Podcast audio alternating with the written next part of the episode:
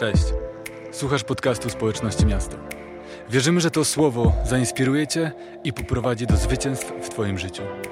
Jeśli chcesz dowiedzieć się więcej, przyjdź na nasze coniedzielne spotkania albo sprawdź nasze media społecznościowe. Widzimy się na mieście.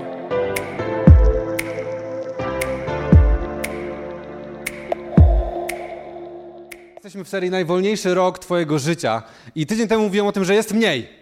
Jest mniej. W przeciwieństwie do tego, jak często słyszymy, że jest więcej. I to było e, ciekawe, jaki feedback dostałem. Jeszcze pozbędę się telefonu, żeby mnie nie rozpraszał.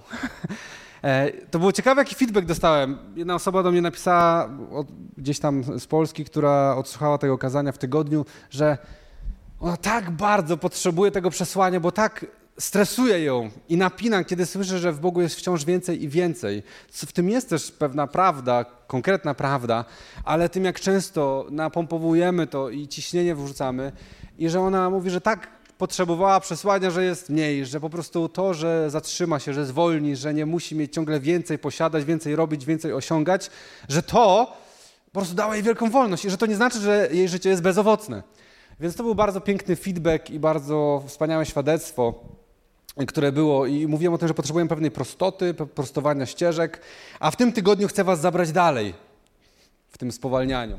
Powoli się rozkręcamy, no bo to wolny rok, więc powolutku idziemy dalej i zabieram was dalej i chcę powiedzieć dzisiaj o pośpiechu, który jest, uwaga, wrogiem naszego duchowego życia wrogiem naszego duchowego życia. I w pierwszej części kazania powiem, po, podzielę się z wami kilkoma jakimiś faktami i dowodami na to, że rzeczywiście tak jest, że pośpiech zabija głębie, zabija naszą duchowość, a w drugiej części tego kazania postaram się e, dać wam biblijne takie odpowiedzi na, na ten temat i na tę tezę.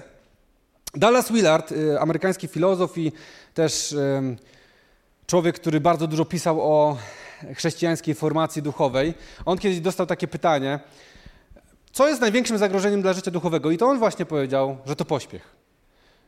Że to pośpiech. I bardzo ciekawe jest to, że nie dodał nic innego. Po prostu pośpiech jest tym, co zabija. Jeśli chcesz pozbyć się pośpiechu, yy, chcesz rozwinąć swoje duchowe życie, albo chcesz yy, usunąć przeszkody twojego duchowego życia, to on powiedział, usuń pośpiech. I to jest ciekawe, nie wiem, co wy byście odpowiedzieli, gdyby ktoś wam zadał pytanie, co byś zrobił, y, co jest największym wrogiem duchowego życia? Co byś zrobił, żeby usunąć przeszkody w twoim duchowym wzroście? Ja, gdybym miał się nad tym zastanawiać, to dużo jest opcji. Na przykład jedna taka opcja to jest, y, co bym mógł podać za odpowiedź, to to, że upadek duchowych autorytetów. Dużo się o tym mówi, dużo się o tym słyszy, że różne osoby pastorzy, księża, różni ludzie, którzy mają jakąś, jakiś wpływ, oni upadają, dopuszczają się jakichś skandali i to zniechęca ludzi. Może ktoś by powiedział, że to jest, nie wiem, na przykład postmodernizm, ogólnie rzecz ujmując, ten cały klimat, ideologia woke, może rozmycie idei płci, jakieś zmiana definicji małżeństwa, w ogóle podejście do seksualności, może to jest tym, co jest największym zagrożeniem. Ktoś inny by powiedział, na pewno wewnątrz Kościoła, że to jest liberalna teologia. I potem by jeszcze wskazał parę kościołów, które mają taką liberalną teologię. A ten człowiek, który naprawdę, Dallas Willard, przyczynił się do niezwykłego rozwoju właśnie takiej myśli filozoficznej, takiej e, rozwoju związanego z taką głębią duchową, on powiedział, że to jest pośpiech. To jest pośpiech. I wiecie, ja o tym myślałem już od paru miesięcy, a później książka e, Johna Marka Comera, jak skutecznie pozbyć się, e, skutecznie przestać się spieszyć. Ona była taką dla mnie puentą i takim związaniem tego wszystkiego w listopadzie, kiedy, e, kiedy byłem na urlopie z moją żoną i dziećmi. Czytałem tę książkę i ona była takim spięciem wielu różnych myśli, przekonań, takim brakującym elementem mojej teologii, mojego jakiegoś przekonania o duchowym wzroście i formacji, właśnie temat pośpiechu. I doszedłem do właśnie tego wniosku i, i, tego, że się zgadzam z Dallasem Willardem, z Johnem Markiem Comerem i kilku, kilkoma innymi ludźmi e, w Kościele i w, i w historii chrześcijaństwa, którzy mówili, że to pośpiech jest tym, co szczególnie współcześnie odbiera nam e, ten przywilej rozwijania się duchowego i podążania za Jezusem, takiego owocnego podążania. Bo myślę, że rzeczywiście, kiedy spojrzymy na, na, na świat, to współcześnie ludzie są zbyt zajęci, żeby prowadzić zdrowe emocjonalnie, bogate duchowe i jednocześnie dynamiczne życie. Jesteśmy po prostu zbyt zajęci, żeby żyć tym, co Jezus nazwał życiem w obfitości w Ewangelii Jana. Życiem w obfitości. Jezus powiedział, że przyszedł na świat po to, żeby dać nam życie w obfitości, ale tak wielu chrześcijan mówi, ja wcale tego nie doświadczam. Mówiłem o tym tydzień temu, o tym rozczarowaniu później duchowością, rozczarowaniu Bogiem, rozczarowaniem tymi wizjami, które otrzymujemy, tymi proroctwami, które słyszymy do naszego życia. Ale może problem nie polega na tym, że coś zostało zablokowane dla ciebie, tylko jesteś w takim pośpiechu i w takim pędzie swojego życia, że nie jesteś w stanie po to sięgnąć. Carl Gustav Jung, znany psychiatra, naukowiec, ekscentryk i artysta, powiedział kiedyś takie zdanie. Nie był wierzący, ale trafił w sedno. Pośpiech nie pochodzi od diabła, pośpiech jest diabłem. Pośpiech jest diabłem. Bo pośpiech to jest bardzo inteligentna taktyka. To jest dużo bardziej inteligentna taktyka niż ta taktyka, którą miał w średniowieczu. W średniowieczu przybrał postać rogatego potworka i wszyscy mieli po prostu, byli wystraszeni, że co się stanie, jeśli on nas teraz po prostu zaatakuje. Ale dzisiaj diabeł, dzisiaj ludzie współcześni, wierzący, niewierzący nie wystraszą się potworka, ale on dużo inteligentniej podchodzi do tego tematu. Bo może rzeczywiście nie atakuje nas strasznym jakimś obrazem potworka, ale to mogą być na przykład powiadomienia w Twoim telefonie, nieustannie Cię nękające, nadgodziny w pracy, kolejne zlecenia, które możesz przyjąć. Możesz kolejne i kolejne przyjmować. Może to będą jakieś, e, może możliwości, które masz. Zobaczcie, że dzisiaj mamy tak wiele możliwości w naszym życiu, że można w nim się zgubić. Możesz robić to, możesz robić to, możesz zajmować się tym. Możesz e, taką ścieżkę zawodową, możesz potem się przebranżowić, przebranżowić i jeszcze raz przebranżowić. Możesz taką mieć pasję i taką, jeszcze inną. Pokazywałem wam tydzień temu te pudełka. Mamy tyle pudełek i w każdym z nich możemy się tak rozwijać, możemy podróżować, ale teraz jak? Z biurem podróży, all inclusive, czy może samemu jakoś zwiedzać. Y, jak to zrobić? Czy lecieć tu, czy lecieć tam, tanie linie. Mamy tyle opcji, tyle możliwości, może możliwości. Często to nas przytłacza. Kiedy jesteśmy przytłoczeni, pojawia się to, co współcześnie nazwałbym płytkimi rozrywkami. Całą masę rozrywek mamy dostępną dzisiaj na wyciągnięcie ręki. I możemy spędzać. Kiedyś trzeba było znaleźć ten jeden tydzień, jeden dzień w tygodniu, żeby iść i obejrzeć ten odcinek serialu. Dzisiaj możesz spędzić całą noc na oglądaniu serialu. Możesz mieć te szoty y, dopaminowe Instagrama co chwilę, wyciągać, wyciągać i, i, i brać tego szota. Porównywać się do zdjęć, liczyć ilość lajków. Mamy wiele różnych płytkich rozrywek, które które sprawiają, że nasze życie duchowe umiera, że nasza głębia umiera. I to jest wiele nakładających się czynników, które przyspieszają nasze życie, przyspieszają nieustannie nasze podejście do, do codzienności, nasze podejście do duchowości, które sprawiają, że jesteśmy okradani z życia. Że jesteśmy okradani z życia w całej pełni, z życia z Bogiem, bliskości z Nim. Amen. Dziękuję, że kiwacie głowami, mówię. John Mark Comer w swojej książce zrobił coś, co trochę mnie śmieszyło, trochę przeżyło, przeraziło, trochę otworzyło oczy i postanowiłem, że, że też się z wami podzielę, bo dla mnie to było mega fascynujące. Później mówiłem, może to wyrzucę, ale moja żona powiedziała, nie, koniecznie musisz to, musisz to e, tym się podzielić. Może mam, taki e, przywilej albo przeszkodę, że pracujemy sobie w biurze ja tam ćwiczę kazania, a moja żona musi pracować swoimi sprawami. Czasem to jest korzystne, czasem nie ale tym razem dla mnie było bardzo korzystne, ponieważ doradziła, zostawmy to. Więc mam nadzieję, że to będzie ciekawe. Taka historia tego, jak świat przyspieszał i zmieniało się podejście do czasu. I fascynujące jest to, że ta kwestia, kiedy czasu zaczęła się zmieniać już w momencie, kiedy powstał zegar słoneczny. Bo kiedy powstał zegar słoneczny, okazuje się, że w starożytnym Rzymie już społeczeństwo odebrało no, to jakąś nowinkę technologiczną, słuchajcie. Już coś się zmieniło w ich podejściu do codzienności, do traktowania e, tego, jak spędzają dzień. I właśnie dramatu, dra, rzymski dramaturg z 200 lat przed Chrystusem, e, Plautus, on powiedział takie, takie słowa, napisał. Bogowie zwiedli człowieka, który jako pierwszy odkrył, jak odliczać godziny. Zwiedli również tego, który wzniósł na tym miejscu zegar słoneczny, by podle ciął i kroił moje dni na kawałki. A więc 200 lat przed Chrystusem powstał zegar słoneczny. Mówi się, zegar słoneczny. Niektórzy pewnie nie wiedzą może, jak to wygląda. ale, ale słuchajcie, zegar słoneczny, nowinka technologiczna 200 lat przed Chrystusem. I oni mówią, nie no, moje życie teraz przyspieszyło tak, tak zostało podzielone, tak pocięte, no teraz się nie da żyć. Ci ludzie po prostu by umarli po jednym dniu współczesności. Później już w XII wieku mnisi stworzyli zegar mechaniczny w swoich klasztorach, takie prototypy po to, żeby wzywał tych mnichów na modlenie się, na pory modlitwy, gromadził ich od pracy po całym tym klasztorze, posiadłościach, które mieli, którymi się zajmowali.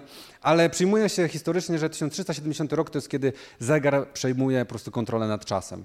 To jest pierwsza wieża, e, pierwszy zegar mechaniczny w Niemczech powstaje, wieża taka zegarowa. I w tym 1370 roku zaczyna wszystko się zmieniać. Wtedy już rozwijane są te zegary, podejście do czasu i po prostu z każdego wieku na wiek zaczyna się em, życie według zegara. No właśnie. A nie według naturalnych procesów. Bo do tego momentu, oczywiście to nie stało się w jeden dzień, tylko to były procesy, ale wcześniej cały czas, cały czas czas był czymś naturalnym. To znaczy czas był związany z obrotem Ziemi wokół własnej osi, wokół e, Słońca, był związany z porami roku. Jaki był tego efekt? Na przykład, że latem ludzie długo pracowali, byli zaangażowani, to były intensywne dni, a zimą dni były krótkie i powolne. To było coś naturalnego. Zobaczcie, dzisiaj jest, dzisiaj jest inaczej. Ciekawe w ogóle, że czyli czas zimy to był ten czas takiego snu, czas takiego odpoczynku, a czas lata to był pracy. Dzisiaj głównie latem odpoczywamy, zimą cały czas ciśniemy. I w Księdze Kaznodziei 3.1.8 jest tak naprawdę werset, który my współcześnie w ogóle nie jesteśmy w stanie odnieść go w naturalny sposób. My uważamy, że to jest taka głęboka metaforyka. To jest metaforyka, ale to jest też coś, co właśnie w tej serii przyszło do mnie, wierzę, że Duch Święty pokazał, że to jest też po prostu opis życia w pewien naturalny sposób pewnym związku z naturalnymi sezonami, które są w życiu. Coś, co zupełnie jest dla nas dzisiaj nieznane, ponieważ my sami tworzymy pewne sezony. My sami je tworzymy. To nie, nie to, jak zostaliśmy stworzeni, jak pory roku, jak świat, który wokół nas otacza, to wyskazuje, tylko, tylko my to tworzymy. Zobaczcie, w Księdze Kaznodziei, trzeci rozdział 1,8 czytamy. Wszystko ma swój czas. Na każdą sprawę pod niebem przychodzi kiedyś pora. Jest czas rodzenia i czas umierania jest czas sadzenia i czas zbiorów, jest czas ranienia i czas leczenia, jest czas burzenia i czas, e, i czas budowy, jest czas płaczu i czas uśmiechu, jest czas żalu i czas tańca, jest czas rozrzucania kamieni i czas ich zbierania, jest czas pieszczot i czas rozłąki, jest czas szukania i czas straty, jest czas gromadzenia i czas wyrzucania. Jest czas rozdzierania i czas zszywania, jest czas milczenia i czas mówienia, jest czas miłości i czas nienawiści, jest czas wojny i czas pokoju. A więc oczywiście ja zawsze, kiedy patrzyłem na ten werset, bo jest to znany werset, patrzyłem na to, że to są pewne przenośnie i obrazy. Ale teraz, kiedy przygotowywałem to kazanie, pomyślałem sobie, to nie musi być tylko kwestia obrazów. Po prostu oni tak żyli. Był czas na to i był czas na to. I w pewien naturalny sposób e, te właśnie różne pory, różne sezony wyznaczały to, co robimy, czego nie robimy, w co się angażujemy, w co się nie angażujemy, kiedy budujemy, kiedy nie budujemy, kiedy sadzimy, kiedy nie sadzimy. Dzisiaj pomidora zjesz cały rok, truskawkę też zresztą. Ale wiecie, to jest coś bardzo ciekawego i myślę, że zegar zmienił wszystko. Zegar zmienił wszystko, dlatego że on stworzył sztuczny czas. I zobaczcie, Pracujemy cały rok. Od 8 do 16 albo od 9 do 17. Kiedyś tak nie było. Kiedy czytamy Księdze Kaznodziei, to nie, to, to, to nie jest rzeczywistość, którą on opisuje. Co więcej, wstajemy na dźwięk budzików, a nie wtedy, kiedy nasze ciała kończą czas odpoczynku. Więc przez te wszystkie wieki stworzyliśmy sztuczny czas, sztuczne podejście do czasu, i rzeczywiście jesteśmy bardziej wydajni. Myślę, że jesteśmy najbardziej wydajnymi jednostkami ludzkimi w historii ludzkości obecnie, ale jesteśmy również tymi, które najbardziej żyją jak maszyny, a jak nie ludzie. Jesteśmy tymi, którzy całkowicie zmienili to, zmienili to e, podejście. I teraz e, chciałem poprosić moją żonę, mam taki rekwizyt dla was. Słuchajcie, to to jest wynalazek, który dokonał dzieła zniszczenia naszego pokoju i właściwego rytmu. nie rozbiję, bo to z mojego biura jest. Ale Edison, który wymyślił w 1879 roku żarówkę, to ten wynalazek dokonał dzieła zniszczenia, ponieważ mogliśmy pracować bez żadnych przeszkód już po zmierzchu, mogliśmy działać i to sprawiło, że wszystkie fabryki, nie fabryki, e, biura mogły pracować e, tyle, ile po prostu e, para dała, ile, nie wiem, cokolwiek, ile sił na zmiany i tak dalej. I wiecie, jaka fascynującą rzecz wyczytałem? Wyczytałem fascynującą rzecz, że przed żarówką przeciętny człowiek, przeciętny człowiek, nie tylko elita, spał 11 godzin. Fascynujące. Podziękujcie Edisonowi. Przed Edisonem, no bo co robić, jak jest ciemno? Co idziesz spać, no nie będziesz siedział po ciemku przecież, nie? Ale Edison stworzył żarówkę i 11 godzin. I wiecie, to była fajna, fajna, fajna refleksja właśnie tego mm, Johna Marka Comera, który napisał, że on zawsze miał taką fascynujące podejście do tych wszystkich mistyków, o których czytał jakichś przebudzeniowcach, jakichś takich po prostu z początków XIX wieku albo jakiś po prostu jeszcze wcześniej. Że oni na przykład czytało się o ich jakieś pamiętniki, oni wstawali o czwartej rano, żeby się modlić. On mówi, wow, to są ludzie, którzy poważnie podchodzą. I wiecie, dla mnie to jest też ważna refleksja, bo ja też zawsze, kiedy o nich czytałem, o Bożych generałach, to miałem takie, oni to wstawali rano i po prostu naprawdę mieli podejście do przebudzenia, do Bożego Królestwa. I to prawda, wstawali o czwartej rano, ale kładli się o dziewiętnastej. Także to jest pewna, pewna różnica, e, która zachodzi, e, ale nic nie ujmując ich naprawdę e, wielkiej wierze i zaangażowaniu. Słuchajcie. I później jeszcze takie dwa fakty historyczne, więcej będziemy o tym mówili, ale wiecie, bardzo szybko w ostatnich dziesięcioleciach, znaczy bardzo szybko, w ostatnich dziesięcioleciach bardzo w szybkim tempie zrezygnowaliśmy też z czegoś ważnego, z instytucji szabatu, która w kulturze chrześcijańskiej to jest niedziela niedziela była traktowana jako taki dzień. Ja wiem, bo z mojej historii mojej mamy, że nawet nie, niedziela kiedyś to był taki dzień, kiedy nawet się nie gotowało.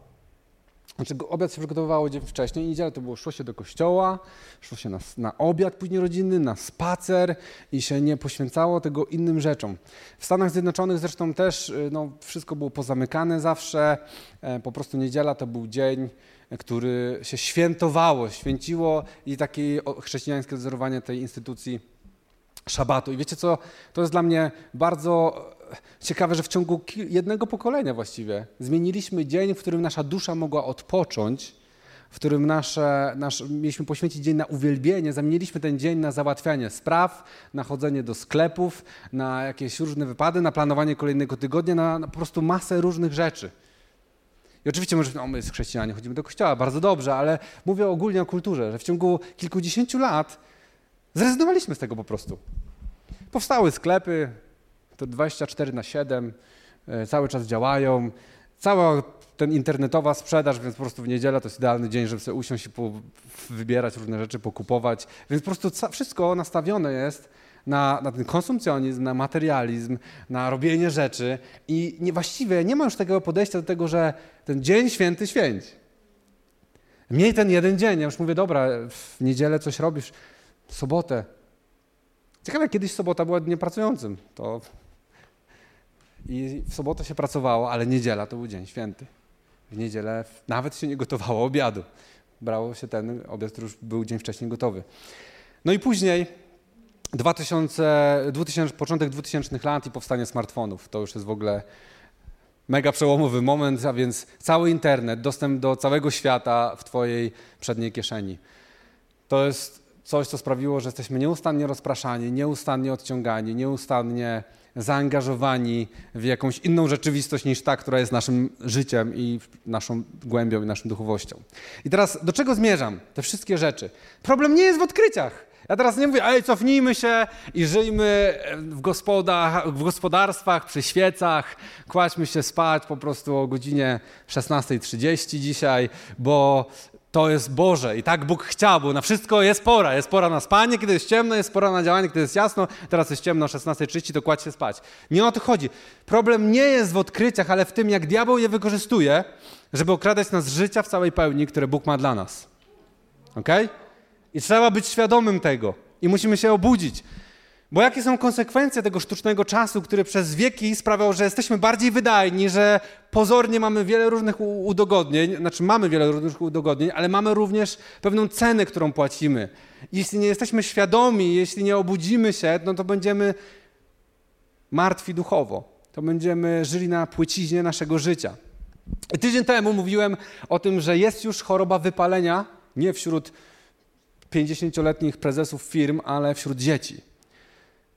I na grupie domowej e, jedna osoba do mnie powiedziała, że była tym zmiażdżona. To był najważniejszy news tego kazania. I że dziękuję za to, że on jeszcze się wychował w czasach, kiedy po prostu się chodziło do piaskownicy, i po, czy pochodziło się na podwórko po szkole i tyle. A nie miało się 150 różnych zadań. A dzisiaj wam sprzedam kolejnego newsa, że dzisiaj istnieje również już choroba pośpiechu. Zaczyna, jest definiowana choroba pośpiechu jako co? Jako złe samopoczucie, przy, przy, którym człowiek czuje się chronicznie pozbawiony czasu, a w związku z tym ma tendencję do wykonywania każdego zadania szybciej i denerwowania się, gdy, na, gdy napotyka jakiekolwiek opóźnienie. Brzmi to jak pewne momenty Twojego życia? A może każdy Twój dzień? I John Mark Comer w swojej książce podał y, kilka objawów, które chciałem, żebyś teraz posłuchał i zastanowił się, ile z nich masz. Objawy tej choroby. Pierwszy z nich, drażliwość. Nieustanna taka nerwowość, cięte komentarze, oschłe odpowiedzi. Kolejny, nadwrażliwość. Jakiekolwiek przeszkody to jest masakra, masakra, po prostu dno i pięć metrów mułu. Jak tak może być? Bóg już się mnie opuścił. Niepokój. To chyba nie trzeba w ogóle tłumaczyć. Pracoholizm. Teraz powie, ej, ja jestem studentem. Ale to jest taka ma mała gwiazdeczka, że pracoholizm lub nieustanna aktywność. A, to już witamy. Witamy wszystkich. Nieustanna aktywność. Na grupie domowej teraz jedna osoba dzieliła się, że ona właśnie ma w rodzinie brata, który on nie może po prostu przestać działać. On nawet jak przychodzi w odwiedziny do tej osoby, to, to już coś chce naprawiać, już chce coś robić. Ja mówię, no właśnie, to jest ta nieustanna aktywność, którą, w której my jesteśmy dzisiaj. To jest kultura, która nas stacza, nieustannej aktywności, nieustannego robienia czegoś. Emocjonalne odrętwienie. To znaczy, masz tyle różnych bodźców, tyle różnych informacji, że coraz trudniej jest ci przeżywać pewne rzeczy. Przeżywać głęboko radość, przeżywać głęboko smutek. Znowu dzisiaj ktoś ze mną się podzielił, że miał taki sezon intensywny, że nie miał czasu na przeżycie żałoby i że był tym sfrustrowany że ma tyle spraw, że nie jest w stanie przeżyć żałoby. To jest, I to jest właśnie to, że czasem jesteśmy pchani w tym pędzie życia do tego, żebyśmy nie mogli przeżyć emocji, które musimy przeżyć. Bo musimy przeżyć żałobę, musimy przeżyć radość, musimy przeżyć ekscytację, musimy przeżyć wszystkie emocje, musimy przeżywać, bo one mówią o czymś, co się w nas dzieje. I po to są nam dane, żeby je przeżyć, żeby je zobaczyć, żeby je rozpoznać i zobaczyć, dokąd mają nas zaprowadzić. Dalej, poprzestawiane priorytety. Za chwilę będę mówił o tym więcej. Zaniedbywanie swojego ciała. Już nie mówię tylko o byciu fit i kondycji, ale bardzo często my nie jesteśmy fit, nie mamy wcale kondycji, ale kiedy pojawiają się w konsekwencji tego choroby, również je zaniedbujemy. Ale ja nie muszę chodzić do lekarza. Ja nie muszę chodzić do... Mój dziadek zawsze tak, a, to do lekarza.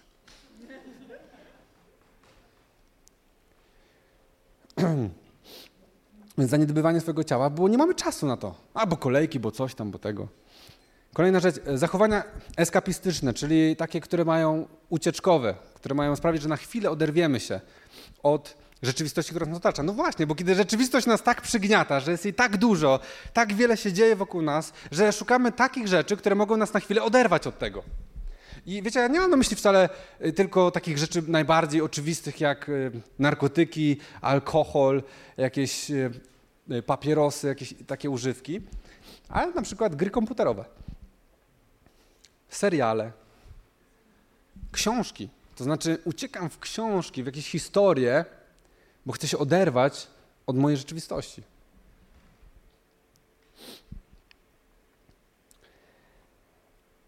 Brak duchowej dyscypliny.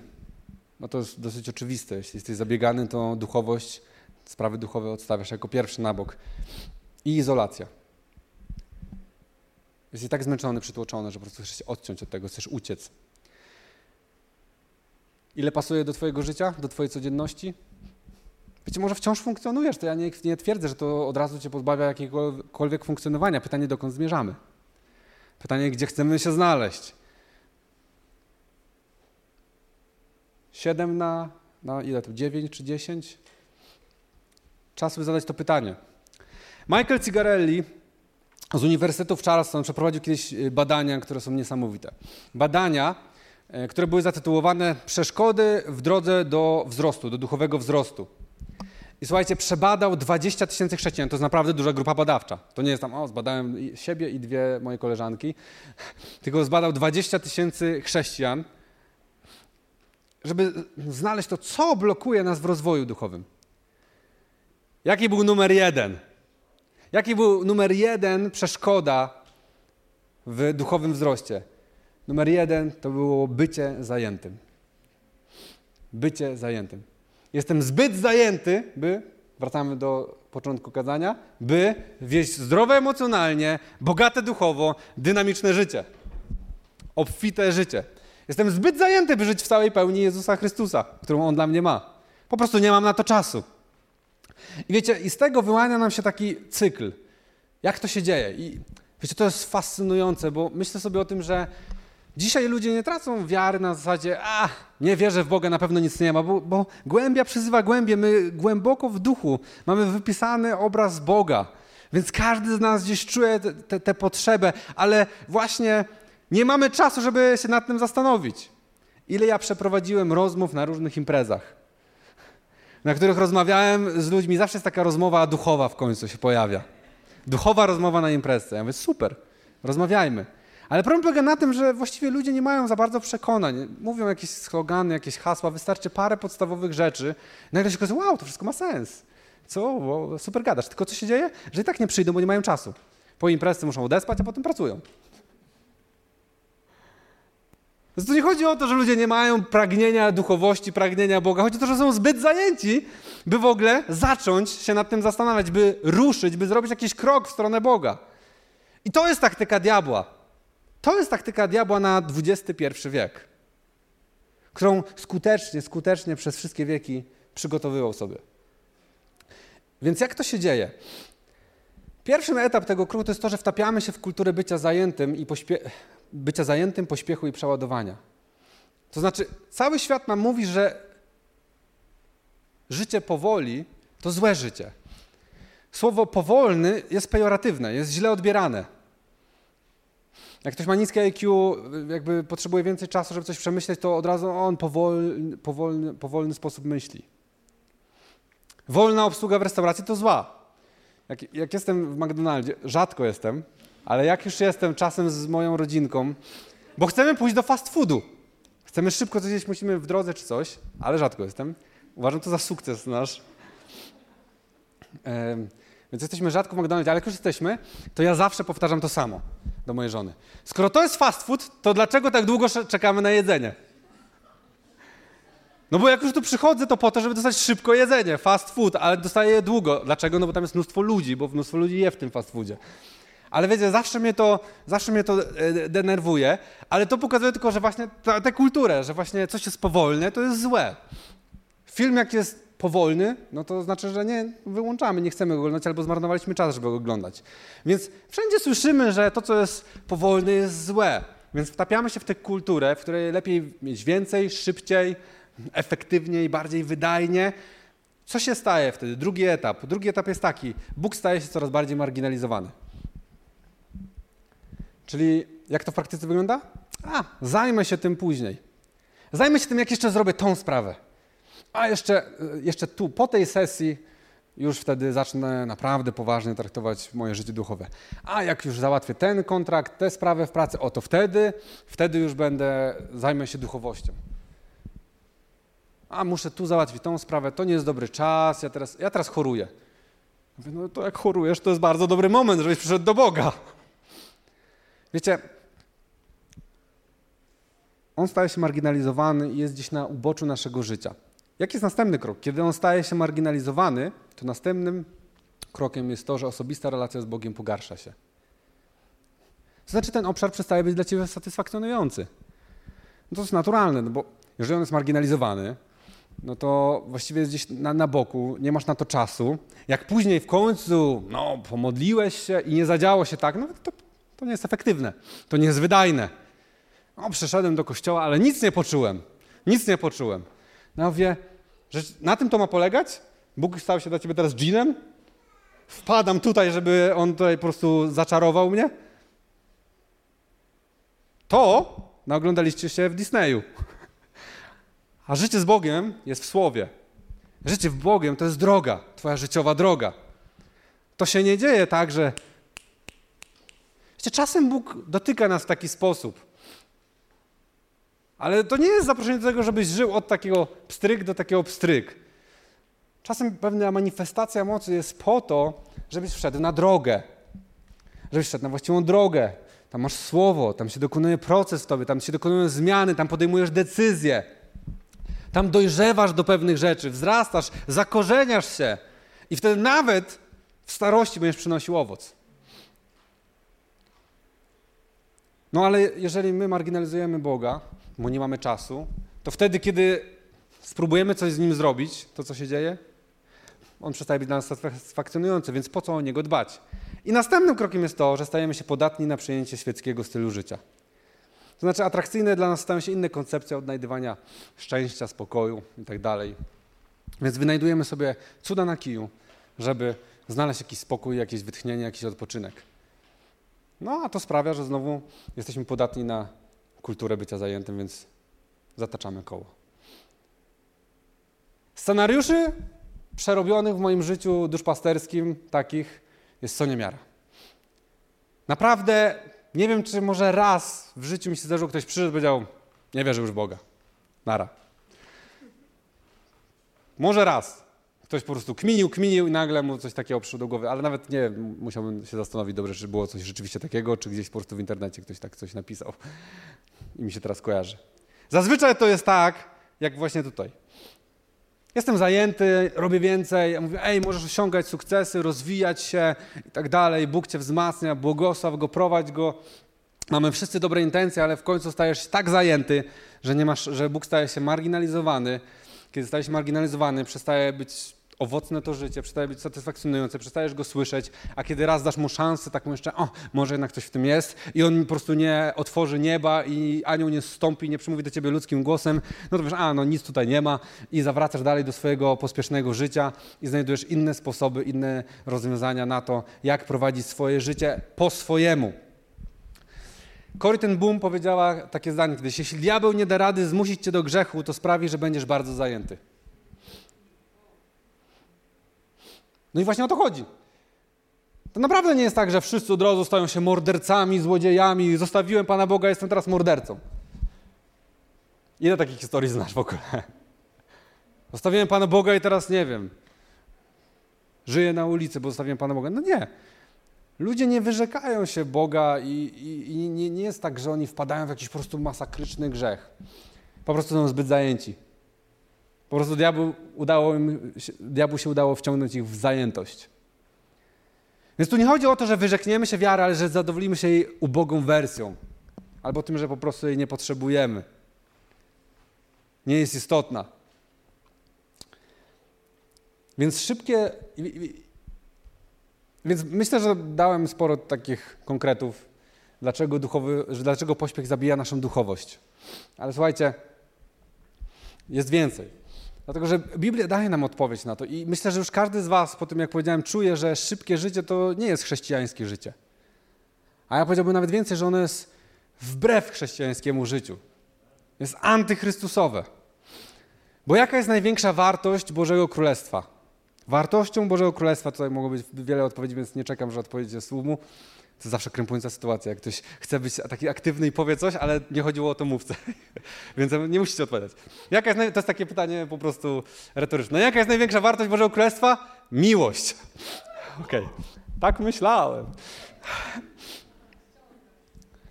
A więc miłość jest największą wartością Bożego Królestwa i czytamy o tym chociażby, kiedy Jezus odpowiada na pytanie nemu z faryzeuszy.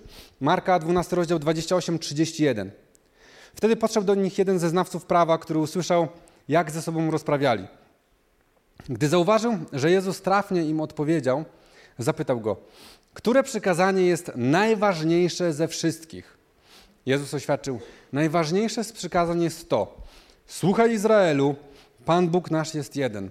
Masz zatem kochać Pana, swojego Boga, całym swoim sercem, z całej swojej duszy, każdą swoją myślą i ze wszystkich swoich sił. Drugie zaś, co do ważności brzmi tak: masz kochać swojego bliźniego, tak jak samego siebie. Nie ma przykazań ważniejszych niż te.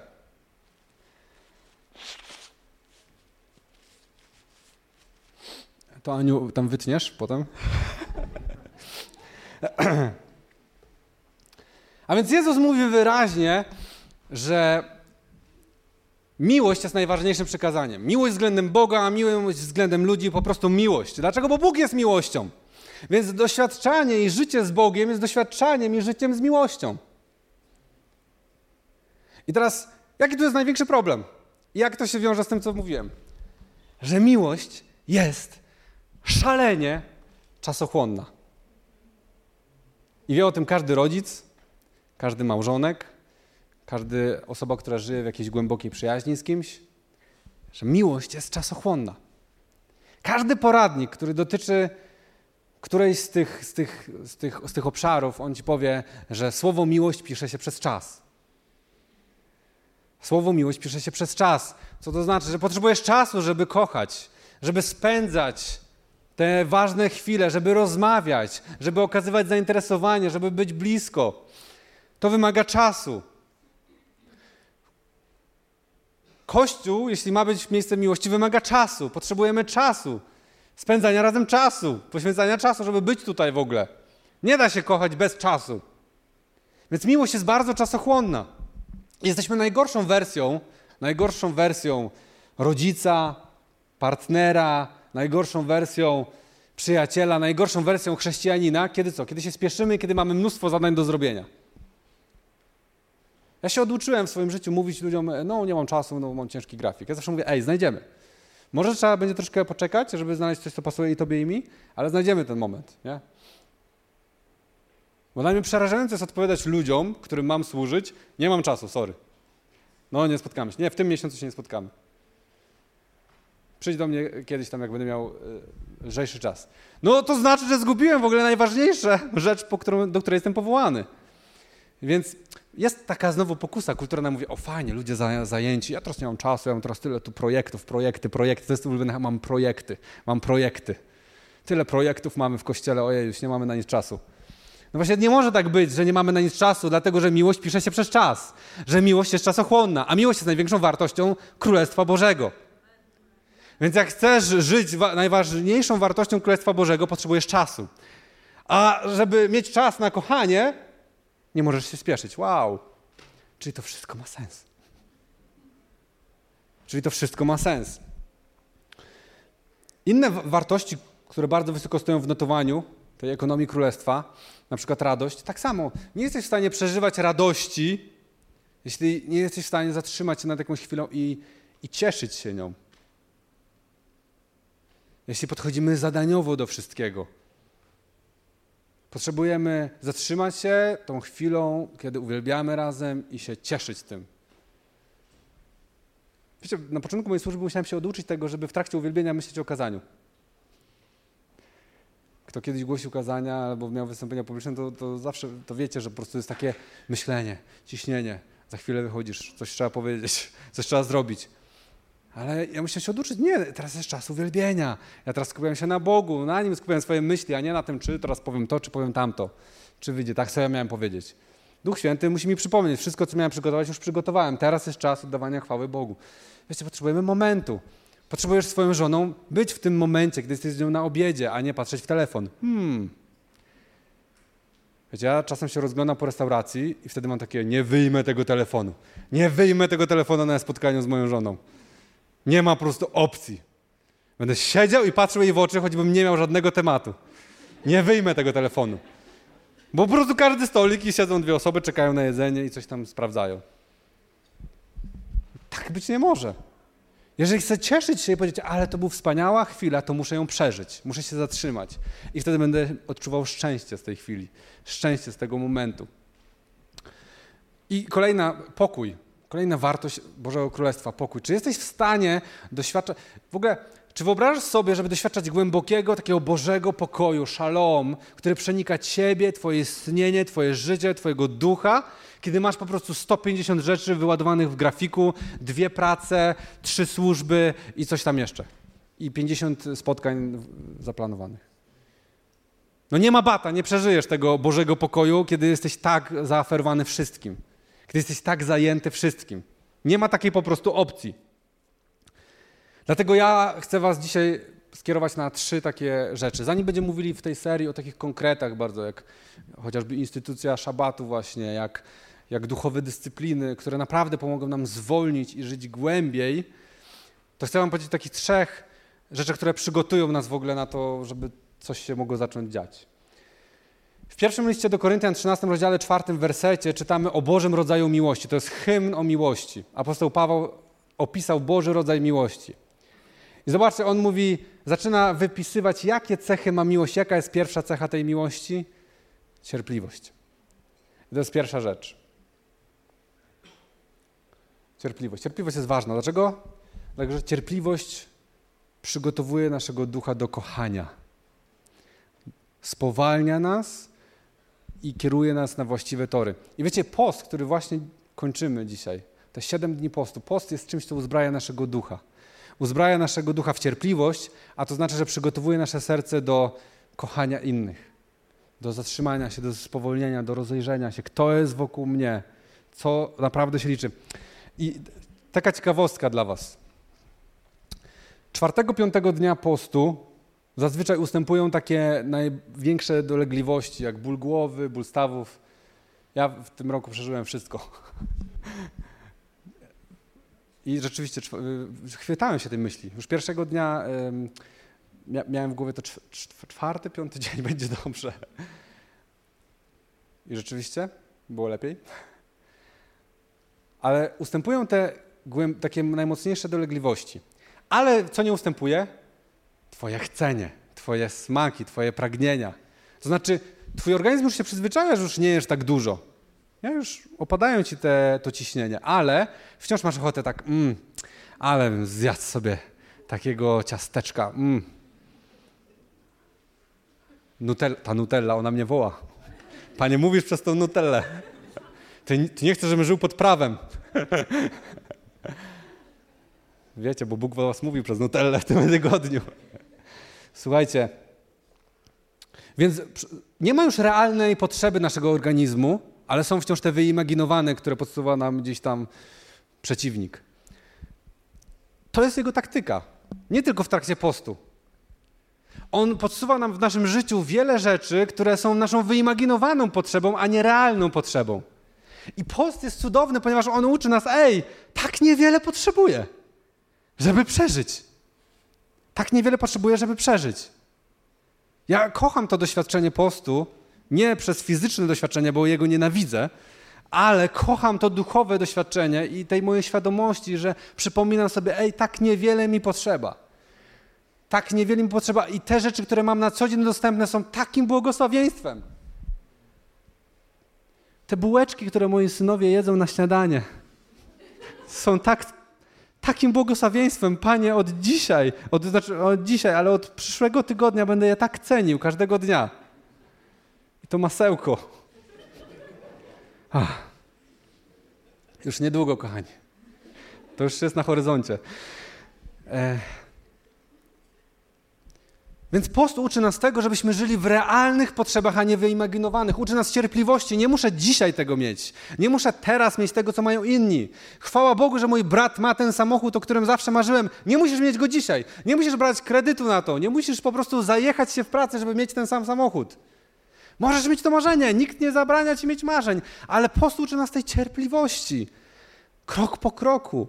Krok po kroku. Nie myśl o tym, co możesz zrobić w ciągu roku, ale co możesz zrobić w ciągu 10 lat z Bogiem idąc za Nim. To jest perspektywa. Więc cierpliwość przygotowuje nas do kochania, ponieważ uczy nas tego, co jest głęboko potrzebne nam i co jest naprawdę ważne. Uczy nas doceniać, więc przygotowuje nas do kochania, do wdzięczności, do wytrwałości i przygotowuje nas do drugiej rzeczy, do której chcę Was zachęcić do uważności. Uważność. Bo myślę, że wyczuwamy, że wolniejsze życie to jest Boże życie. I nawet w takim potocznym mówieniu, patrzcie, my nie mówimy o bieganiu z Bogiem, tylko o chodzeniu z Bogiem. O, ten brat chodził już z Bogiem tyle lat, na przykład, jak nasz dzisiejszy gość. Ale on nie biega z Bogiem, tylko chodzi. Nie mówimy o bieganiu, bo rozumiemy, że z Bogiem nie chodzi o sprint, o bieganie, ale chodzi o chodzenie długodystansowe, długoterminowe, długofalowe, wiele lat. To jest nasz cel. Walter Adams, który jest duchowym przewodnikiem, był duchowym, jest, był duchowym przewodnikiem C.S. Lewisa, napisał kiedyś takie słowa: Chodzić z Jezusem oznacza chodzić powoli, bez pośpiechu. Pośpiech oznacza śmierć modlitwy, tylko utrudnia i psuje naszą pracę. Nigdy nie posuwa jej do przodu. Więc w pośpiechu możemy niewiele rzeczy zrobić lepiej, za to wiele możemy zrobić gorzej. W pośpiechu możesz zrobić gorzej swoją wiarę, swoją duchowość, relacje, ale też te praktyczne rzeczy, o których napisał Walter Adams, pracę. Twój samorozwój, twój odpoczynek. Te rzeczy sprawiają, że zaczynamy być źle funkcjonować, zaczynamy być niezadowoleni, zaczynamy popełniać więcej błędów. Więc w pośpiechu niewiele rzeczy możemy zrobić lepiej, za to bardzo wiele możemy zrobić gorzej. Jest takie fińskie przysłowie, że Bóg nie stworzył pośpiechu. Może dlatego, że mają długie dni, to mają na wszystko czas, ale, ale jest w tym pewna głęboka prawda. I pomyślałem sobie, że jakie to jest niezwykłe odniesienie do Księgi Rodzaju. Bóg nie stworzył pośpiechu, dlatego wszystko, co stworzył, było jakie? Dobre. On nie spieszył się. Zobaczcie, to jest też fascynujące. Można, można by było napisać przecież i mógł to zrobić i tak można było to być zapisane. No, Bóg jest wszechmocny, to powiedział, niech się stanie i się stało. Ale czytamy, że on krok po kroku, dzień po dniu tworzył, a na koniec znalazł czas na to, żeby odpocząć i zachwycić się. Nie dlatego, że jest zmęczony, umówmy się, Bóg się nie męczy, ale dlatego, że się cieszył, że się zachwycił, że dał nam pewien model i wzór tego, na czym polega życie. Polega na uważności, na dostrzeganiu pewnych rzeczy. Jezus powiedział w Mateusza 11 rozdziale 25 wersecie takie słowa. To mi, to mi się przyśniło, naprawdę, ten werset do tego kazania. W tym czasie Jezus odezwał się w te słowa: Wysławiam Cię, Ojcze, Panie nieba i ziemi, że zakryłeś te rzeczy przed mądrymi i roztropnymi, a objawiłeś się ludziom o dziecięcej prostocie. Naprawdę, przyśnił mi się ten werset i takie wytłumaczenie do tego właśnie w kontekście uważności.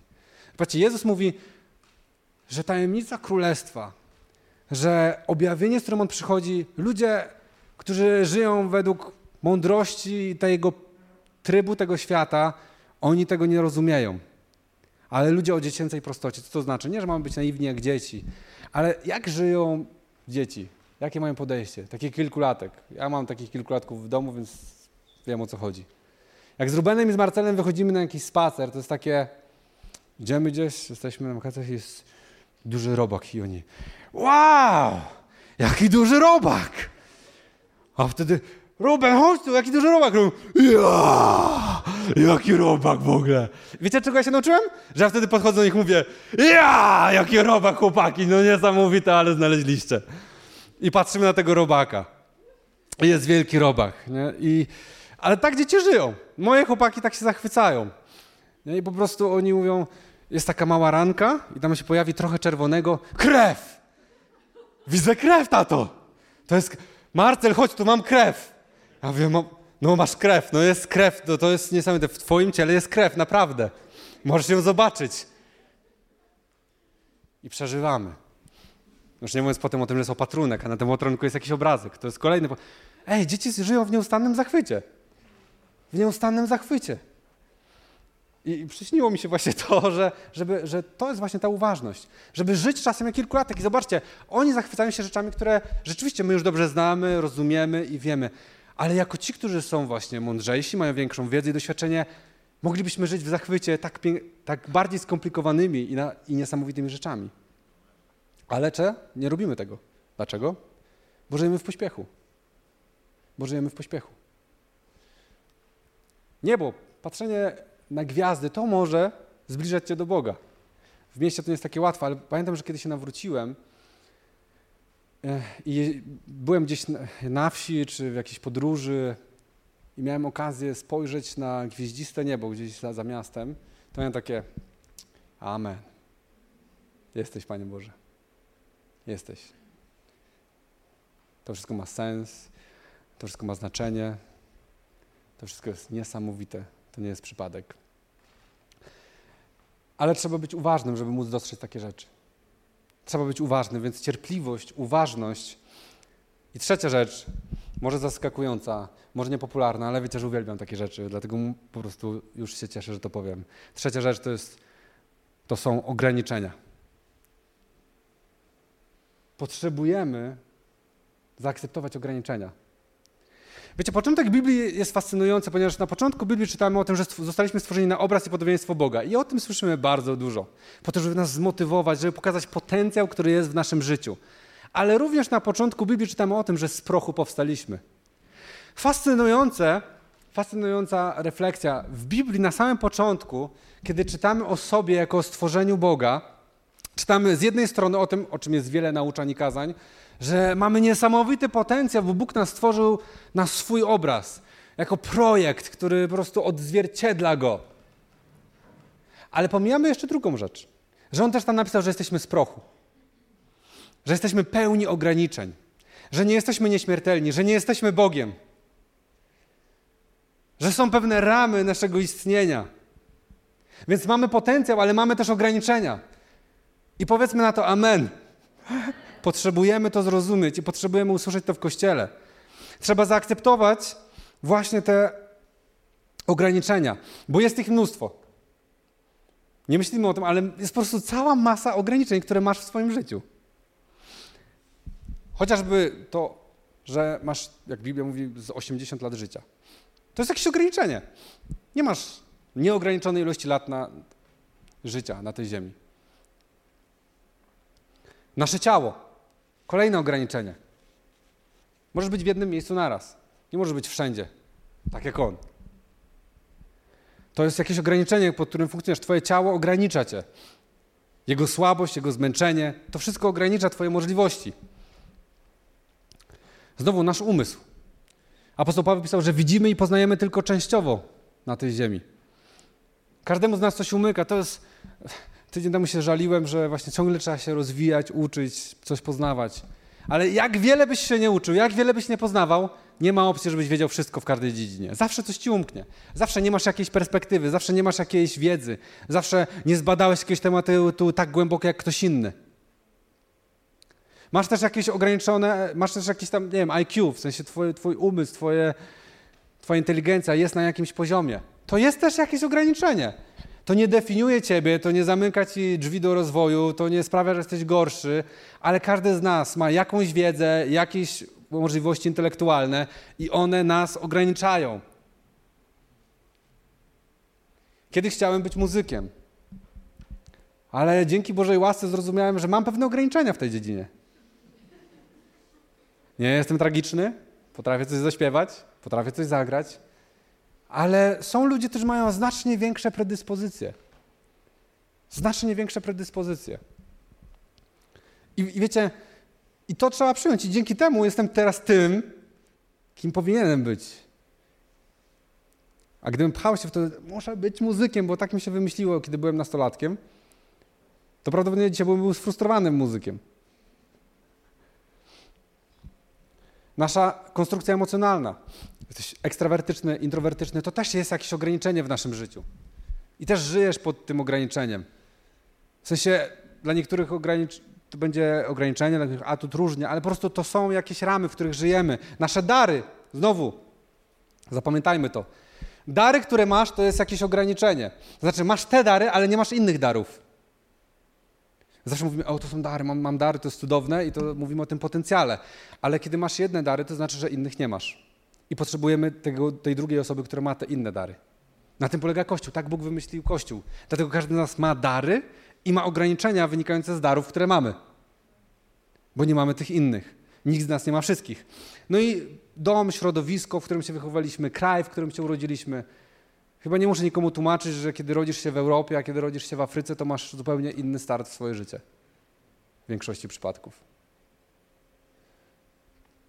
A największym ograniczeniem, które dotyczy każdego z nas, jest czas. Masz 24 godziny na dobę i tyle. Nieważne, czy jesteś stary, czy młody, czy jesteś pracujący, niepracujący, jesteś wierzący, niewierzący. Każdy z nas ma to ograniczenie. Mamy czas. Czas nas ogranicza. 24 godziny na dobę nie ma ani minuty więcej. I musimy to zaakceptować, że nasze ciała, nasze życie, my podlegamy ograniczeniom. W 2 Koryntian 4:7 czytamy: Skarb ten mamy w naczyniach glinianych, aby było widoczne, że źródłem tej ogromnej mocy jest Bóg, a nie my. Paweł tam pisze o śmiertelności. On mówi, że to właśnie te ograniczenia objawiają to, że cała moc, wszystko dobre, co się dzieje w naszym życiu, jest, jest z Boga. Jest z Chrystusa, który zajaśniał światłością w naszych duszach.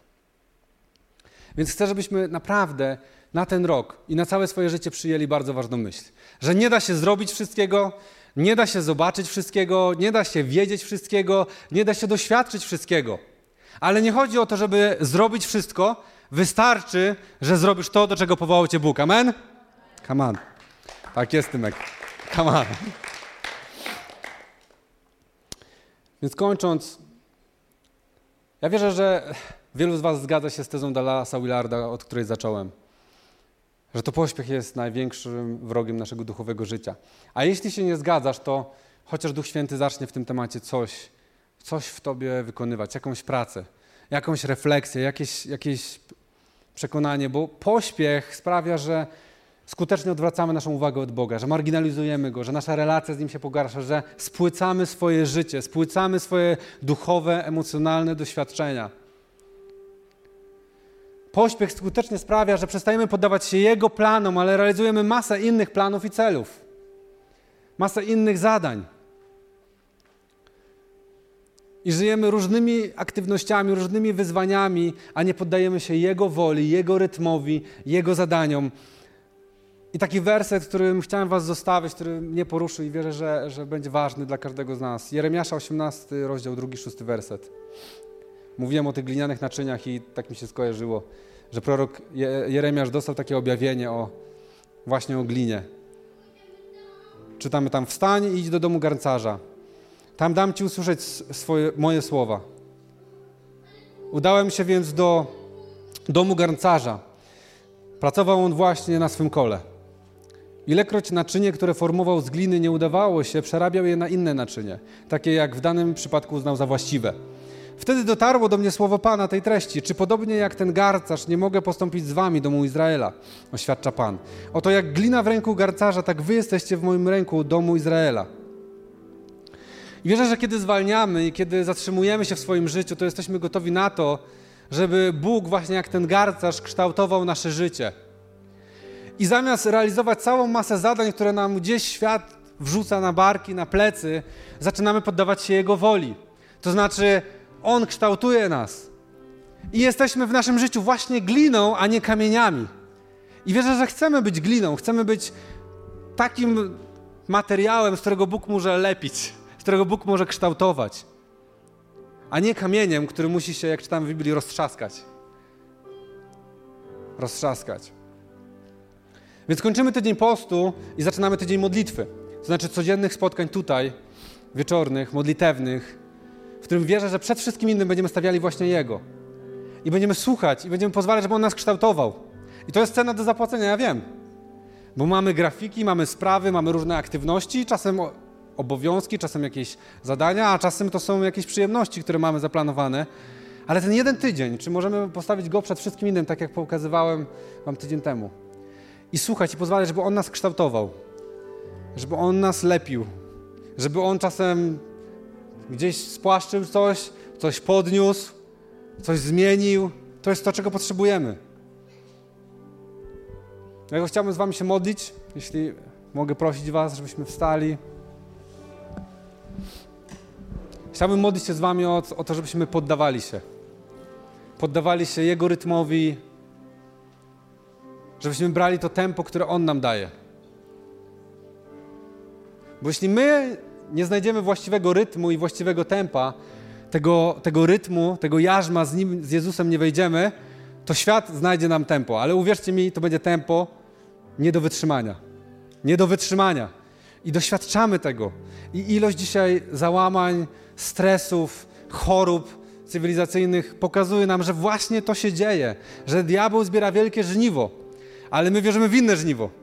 Wierzymy w żniwo ludzi nawróconych, ludzi, którzy wchodzą pod jarzmo Jezusa, którzy wchodzą pod panowanie Jezusa, którzy wchodzą w Boży pokój, w Boże szalom. Amen?